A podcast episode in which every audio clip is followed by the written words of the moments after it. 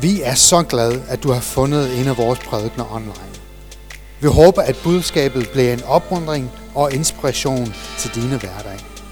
Er du glad for det, du hører, så hjælp os ved at abonnere til vores kanal og del det med andre. Husk, du er altid velkommen på vores gudstjenester hver søndag kl. 10.30.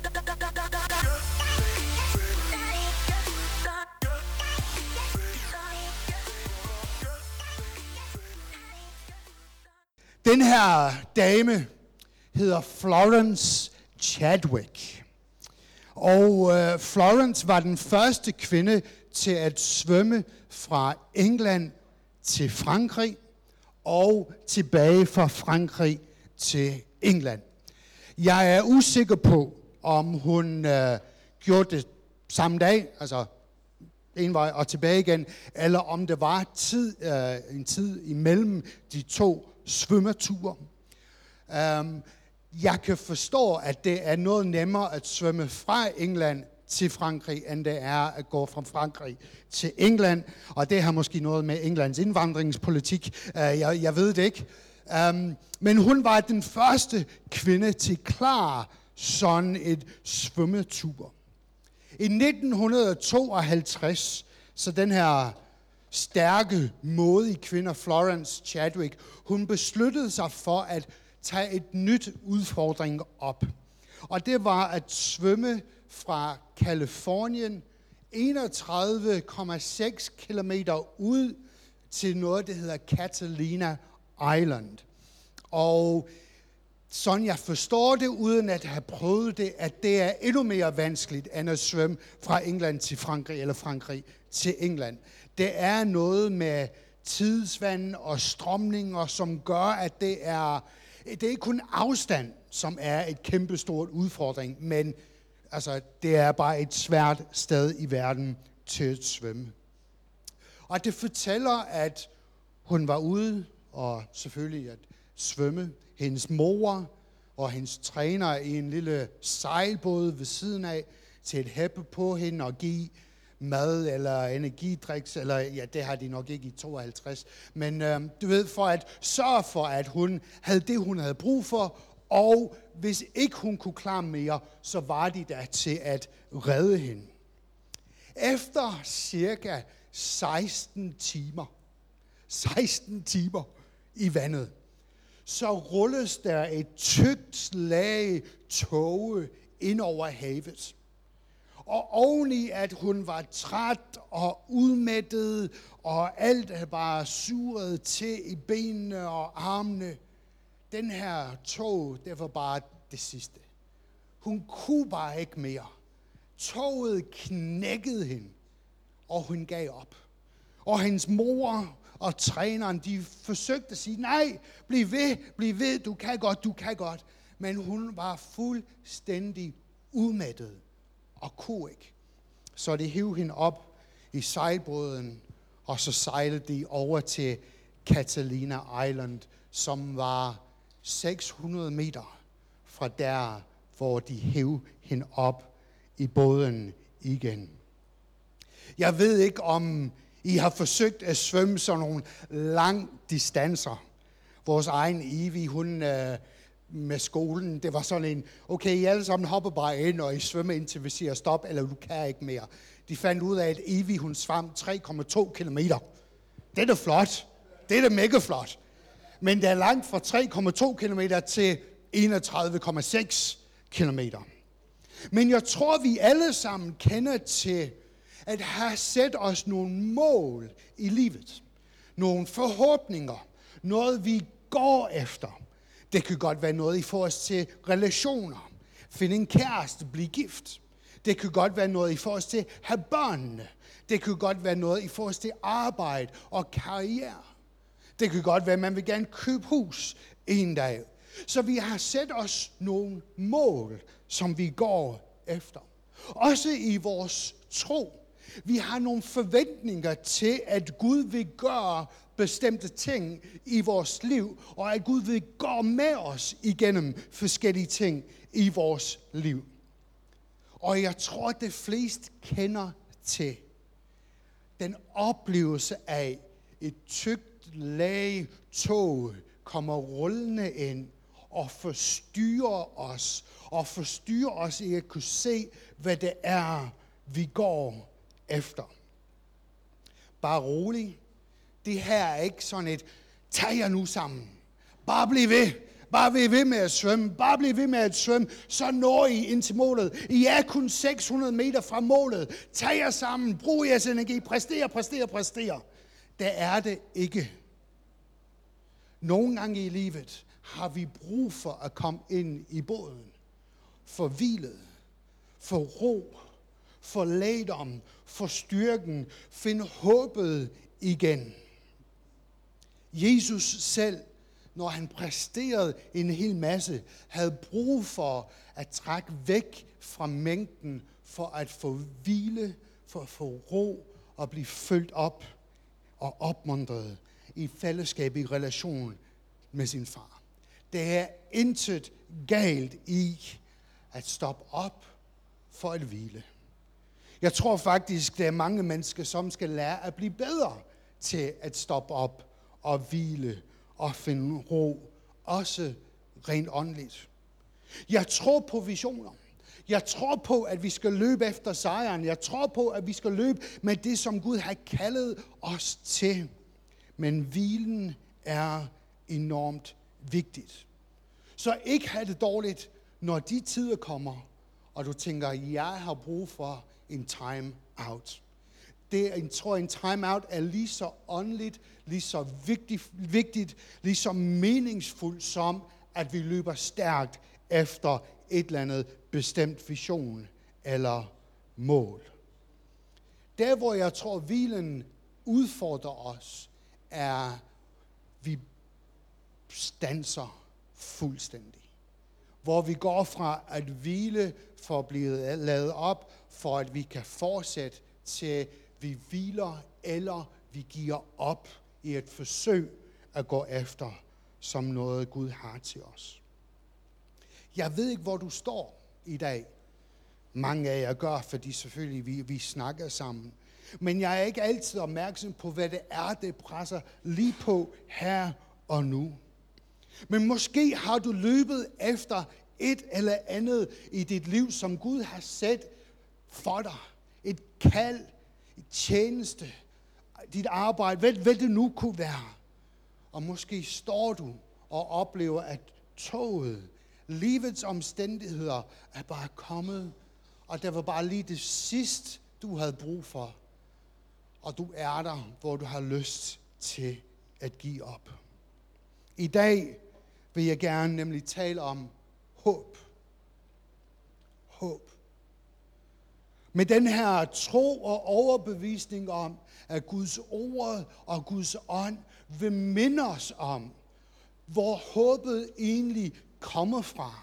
Og at vores, vores håb er ikke i vores handlinger. Vores håb findes ikke i vores ambitioner. Vores håb findes ikke i vores ejendom eller vores ejendel eller noget andet. Men håbet findes i Kristus.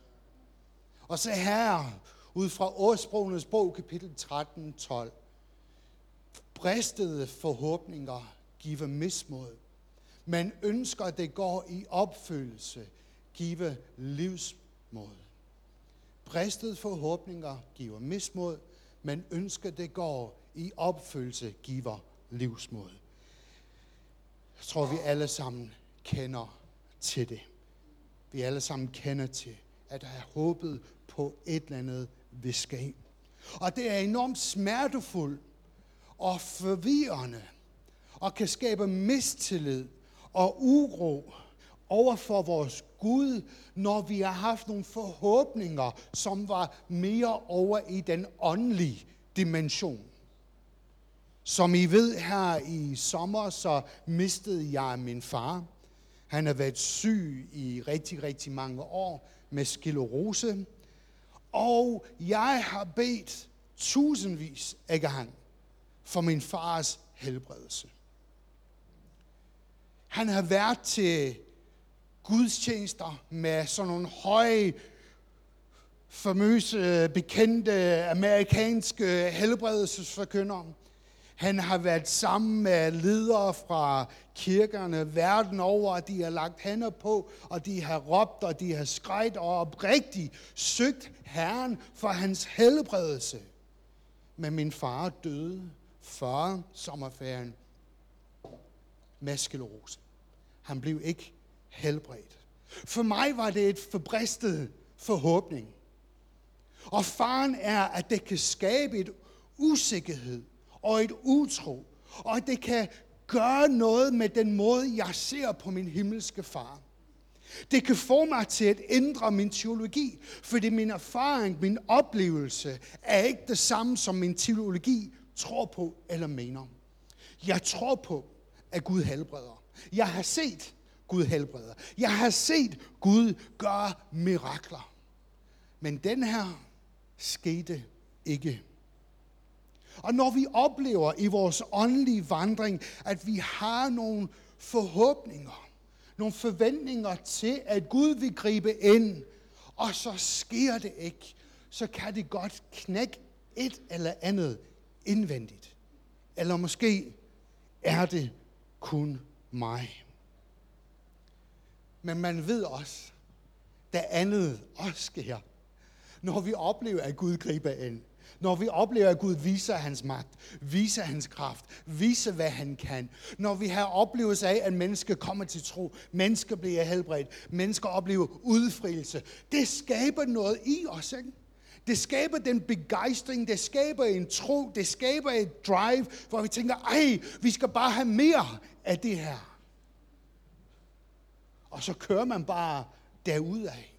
Og det er en mærkelig spændingsfelt, synes jeg, at være i. Når vores oplevelse egentlig påvirker vores teologi. Faren kan være, at når man ikke oplever helbredelse, at man kommer dertil og siger, den tid er forbi. Det er slut. Det er kun fra apostles gerninger, og ikke længere. Der er nogle kirkeretninger, som har den tro. Eller det kan godt være, at når man begynder at opleve helbredelse, helbredelse, helbredelse, så går man i den anden grøft og tænker, det sker 100% hver eneste gang. Og jeg vil gerne sige, som præst har jeg brugt utrolig mange timer i sjælesårs samtaler og for folk, hvor der er blevet profeteret og talt, du bliver helbredt, og det har aldrig sket. Kvinder, 70 år gamle, som forventer stadigvæk om at blive gravid, fordi dengang de var 25, så var der en, der profiterede, at hun ville være gravid. Og i stedet for, at der er nogen, der bedømte den profeti og sagde, det er ikke fra Herren, så blev det et, et løfte fra Herren, som var ikke fra Herren, men som er bare skabt mismod. Øhm, manglende tillid manglende tro og et, egentlig et knust hjerte. I dag vi kigger på håbet for at rette vores blik på, hvad den sande håb er. Den sande håb, som hjælper os, når toget kommer ind. Den sande håb, som kommer, når pandemier rammer verden. Den håb, der kommer ind, når vi op, oplever arbejdsløshed. Den øh, håb, der kommer ind, når vi oplever tab. Den håb, den kommer ind, når vi oplever hjertesår. Den håb, det kommer ind, når vi oplever sygdom. At blive mødt med livets tykke, mørke tog. Håb, som hjælper os til ikke bare give op. Måske til at hvile og få ro, men på lang sigt at også til at kunne fortsætte. I 1. Korintherbrev, så ved vi, at håb står sammen med tro og kærlighed. Kærlighed, skriver Paulus, er den største af de tre. Og at det er umuligt at gøre Gud glad uden tro, hører vi om. Men håbet bliver beskrevet som noget væsentligt, som hver eneste troende bør have og holde fast til. I 1. Timotheus 4, 10, så skriver Paulus, Derfor slider og strider vi. Fordi vi har sat vort håb til den levende Gud, som er alle menneskets frelser, først og fremmest de troendes. Derfor slider vi og strider vi, fordi vi har sat vort håb til den levende Gud, som er alle menneskets frelser, først og fremmest de troende. Vi har sat vores håb til den levende Gud. Det må være den levende Gud, som er kilden til vores håb. Det kan ikke være vores oplevelse eller vores erfaringer, som giver os håb eller tager håbet fra os. Det kan ikke være, når vi oplever succes, at vi tænker, nu har jeg håb, eller når vi oplever, at vi ikke lykkes, at vi tænker, fint, jeg giver op. Det er, håbet er uafhængig af, hvad vi oplever, fordi det kommer fra. Det er rettet på den levende Gud og den levende Gud alene. Håb i det græske, bare for at lyde lidt smart, skal fortolkes, det hedder ellipsi eller ellipso, skal fortolkes at håbe. Okay, det, det, det er dejligt. Når jeg tænker på at håbe, så tænker jeg på et eller andet, som er lidt svært at få fat i. Det er nærmest som et, et ønske. Øh, jeg håber på, at bussen kommer til tid. Det gør den aldrig søndag formiddag. Øh, eller søndag morgen, når jeg skal herind, og jeg skal tage bussen klokken 8. Det kommer aldrig, eller 9.50, 7.59. Den er der aldrig 7.59. Men hver søndag håber jeg på, at den kommer til tid. Det er stop nummer to. Altså, ud fra Hjerting og se ind. Og allerede er det forsinket. Men jeg håber på, at den kommer til tid. Et eller andet ønske. Et eller andet, måske endda en mavefornemmelse. Måske endda et, et, noget, der kommer fra en åbenbaring, som er svært at beskrive, svært at sætte ord på, og næsten, når man begynder at sætte ord på det, og dele det med andre, så, så, så det ligesom det bliver endnu mere flygt, flygtigt. Altså, du ved, ligesom det kan forsvinde. Det næste er at stole på. At have tillid til. Og det er der, hvor jeg tænker, at det går fra et eller andet i maven. Et eller andet fornemmelse. Et eller andet sådan lidt fluffy. Til noget, man beslutter herhen og herhen. Det her vil jeg stå på. Det her skal ikke rokkes ved. Det her, ligegyldigt hvad det er, der blæser og stormer omkring mig, vælger jeg at bygge på det. Jesus er klippen. Jesus er klippen. Og når vi taler om tro, og vi taler om tillid til Gud, så kan det ofte være, at folk tænker, at vi taler om et eller andet fluffy fornemmelse, et eller andet varm følelse. Et eller andet åbenbaring, vi fik, dengang vi var 12 på en lejr, hvor vi egentlig oplevede, at Gud var os nær, og at han elskede os. Men at stole på, at have tillid til, det er at forvandle det fra den her fluffy følelse til noget, noget mere konkret. Til noget mere stærk, noget man kan stole på og bygge et fundament på. At stole på er uafhængig af vores følelser. Det er den der beslutning, det er den vilje sag. Jeg vil stole på Jesus og hans løfter, uanset hvad. Og det næste, ud fra Ellipso, at holde ud. Ej, det er træls, var. At holde ud. At blive ved at blive ved og blive ved. Det går ud fra, at det giver os et forståelse af, at der er en forventning til, at det kommer tidspunkter, hvor man har lyst til at give op. Hvor man har lyst til bare at lade det hele bare sejle. Hvor man tænker, jeg kan ikke mere, jeg gider ikke mere, jeg er skuffet, jeg er træt, jeg skal bare ud fra det her vandet, og så ind i båden, og så skal jeg ikke tænke over det mere. At holde ud.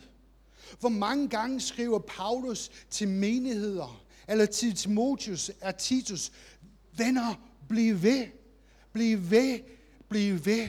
I en tid, hvor der var forfølgelse, i en tid, hvor de oplevede, at Gud var stærk, at Gud skabte mirakler, gjorde mirakler, og en tid, hvor de oplevede, at deres venner blev sat i fængsel og slået ihjel på grund af deres tro. blev ved, holdt ud.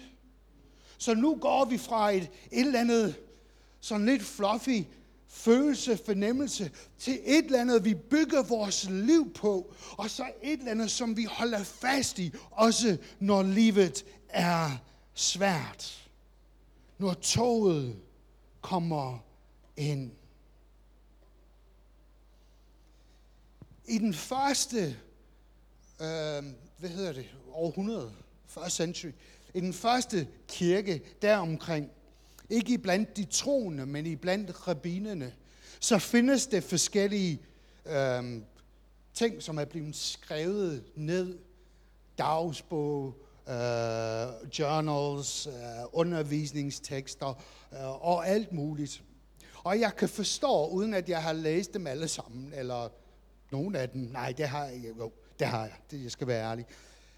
Så kommer der for de her rabiner en tvivl ved deres dødsleje. Om er de nu frelst? Hvor de udtrykker en usikkerhed i, hvor de står i forhold til Gud. Selvfølgelig som rabbine, så går de ud fra det gamle testament, hvor frelsen handlede om, hvor man står i forhold til loven, hvor man står i forhold til de religiøse handlinger, i forhold til ofre og, og det slags ting. Og har man nu bekendt alt, har man nu offret de rigtige ting på det rigtige tidspunkt, for at man kan stå rent foran Herren. Så der ved deres dødsleje, så kommer tvivlen. Og oh nej, har jeg gjort nok? Den her tillid, som er rettet på den levende Gud, som er rettet på Jesus. Den tillid, som kan give os håb, når toget ruller ind, har intet med vores handlinger at gøre. Det har intet med, om vi har offret nok, om vi har givet nok, om vi har tjent nok. Det er en tillid, som er bygget på alt, hvad Jesus gjorde på korset ved hans død og hans opstandelse. Det hvor Jesus gjorde det hele for os, for en gang og altid. Er du lidt i tvivl om, hvad der var, der skete på korset, så historien fortæller, at Gud han sendte sin ene barns søn, som han elskede så højt. Og han sendte ham til at blive født som menneske, som dig og mig. Født i en stald i Bethlehem, og opvokset, lærte at være tømmer. Og cirka da han var omkring 30, så begyndte han at træde ud i det, som han var sendt til verden for og det var for at forkynde Guds rige. Og ikke kun med ord, men med handling. Han helbredte de syge. Han oprejste de døde. Han snakkede med dem, som alle andre holdt udenfor. Og han viste Guds kærlighed og Guds riges principper. Og der var nogen, der blev træt af det og irriteret over det. Og de ville have ham slået ihjel. De troede, det var deres idé men egentlig var det planen og tanken hele vejen igennem. Fordi Bibelen fortæller os, at i vores oprør som mennesker, i vores forsøg på at gøre alt selv, så lever vi i afstand fra Gud. Vi kalder det for synd. Synd skaber et kæmpestort grøft mellem os og vores himmelske far. Og det er intet, vi kan gøre, som vil bygge en bro over grøften, så vi kan komme til vores far, som elskede os. Det er derfor, rabbinerne havde tvivl. Der var intet, de kunne gøre i deres eget styrke. Ah, måske med gamle testament. Men Jesus, ved at han blev korsfæstet, ved at han gav sit liv som det ultimative offer, så byggede han en bro. Ved hans død skal vi ikke dø. Ved udgødelse af hans blod, så er vi vasket åndeligt set rent. Jesus døde gjorde det muligt for os til at være i den relation til vores himmelske far, som han har altid tiltænkt os at have. Og det er det, vi bygger vores håb på. Og det kan ikke flyttes på. Og det er ikke kun et håb om frelse, men det er også et håb om evighed. Så når vi kigger ud på verden i dag, og vi tænker, hvordan kan det være, at verden er, sådan det er nu? Det her kan ikke være planen. Det her kan ikke være mening. Prøv at se på alt det uretfærdighed, alt det løgn, alt det, som er derude, som vi oplever tæt på, og vi oplever langt væk. Bibelen fortæller os, at vi har også en evig håb, at Jesus en dag kommer tilbage og gør alting i orden igen. Og det er det, som er også vores håb. Så vores håb er ikke bygget på vores følelser, eller vores succes, eller vores fiasko. Vores håb er bygget på et åbenbaring om den levende Gud. Hvem han er. Hans tanker for dig og hans tanker for mig, som han viser os igennem Jesu liv, igennem Jesu død og igennem Jesu opstandelse. Så når ting blæser og stormer omkring os, lad os løfte vores blik. Kig på bjergene. Hvor kommer hjælpen fra? Den kommer fra dig, Gud. I din nedtur, din håb kommer fra Herren. I din optur, dit håb kommer fra Herren. Og det er urokkeligt, når vi sætter vores lid og vores tillid til det.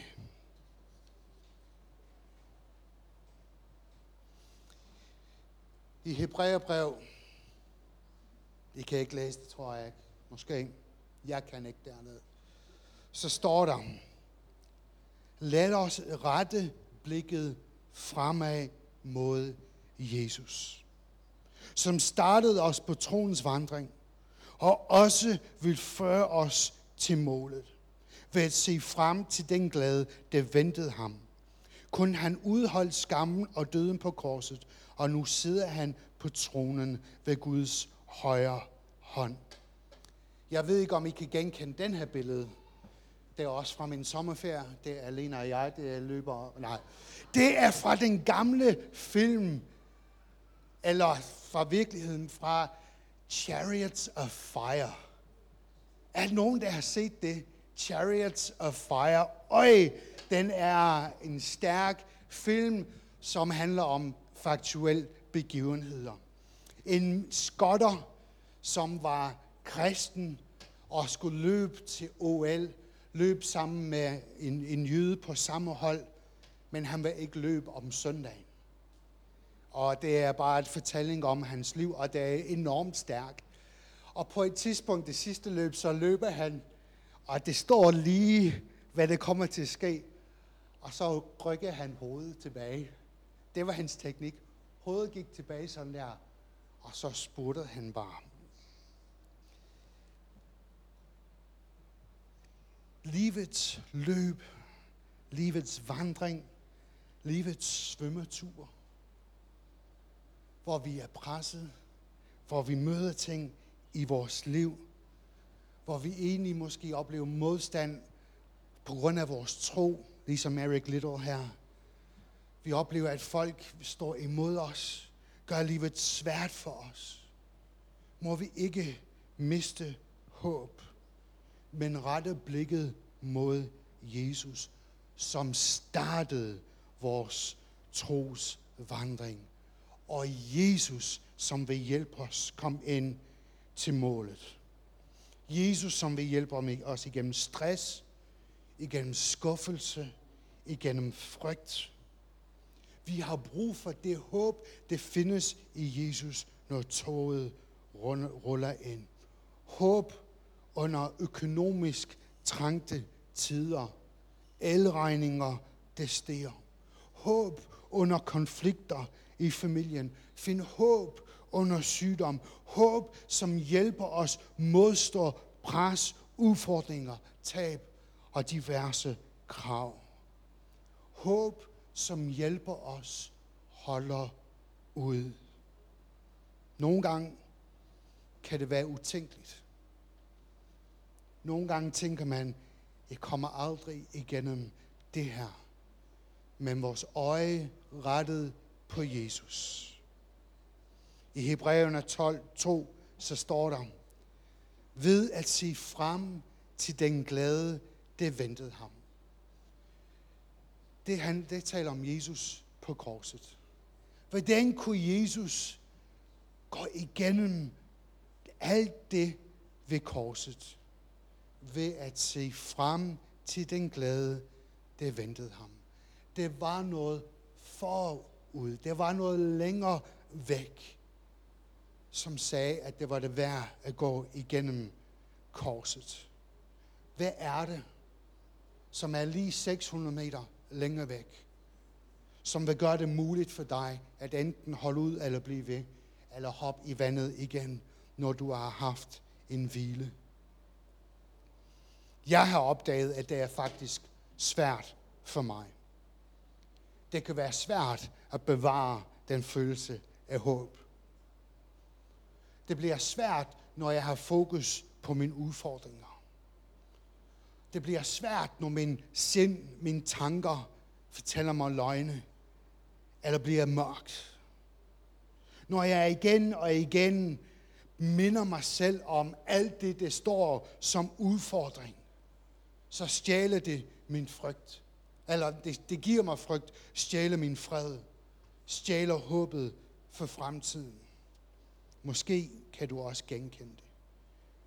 Når jeg holder min øje på de dårlige ting, der har sket, eller de dårlige ting, som måske en dag kunne ske, så mister jeg håbet. Men når jeg retter mit blik mod Herren, mod Jesus, hvad han gjorde, så står jeg stærk på klippegrunden.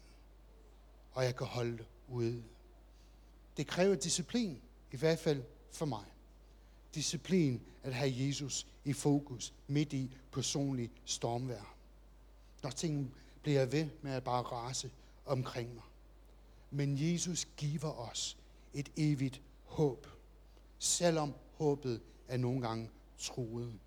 Han kan bane en vej, når det er ingen vej. Han rådgiver os. Han underviser os. Han gør os ydmyge. Og han tilgiver os. Florence Chadwick, et par måneder senere, prøvede igen. Fra Kaliforniens kyst til Catalina Island, 31,6 kilometer. Og hun svam, og det samme skete igen. Hun var træt. Hun var udmattet. Alt syret til i hendes krop. Og så kommer den der tyk lag tog ind over havet en gang til. Men hun blev ved. Hun blev ved. Hun blev ved. Og hun nåede til Catalina Island. Den første kvinde til svømme England, Frankrig, Frankrig, England den første kvinde til svøm fra Kaliforniens kyst til Catalina Island. Og hun gjorde det to timer hurtigere end den hurtigste mand. Skal vi ikke lige rejse os op?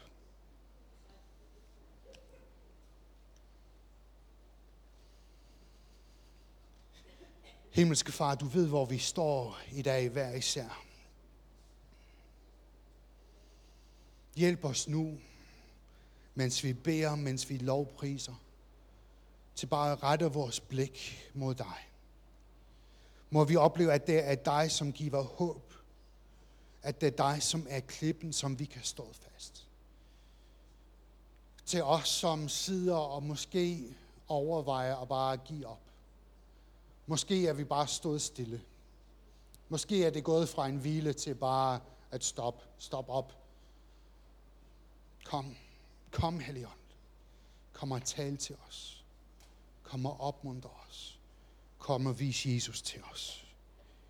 I Jesu mægtige navn. Amen.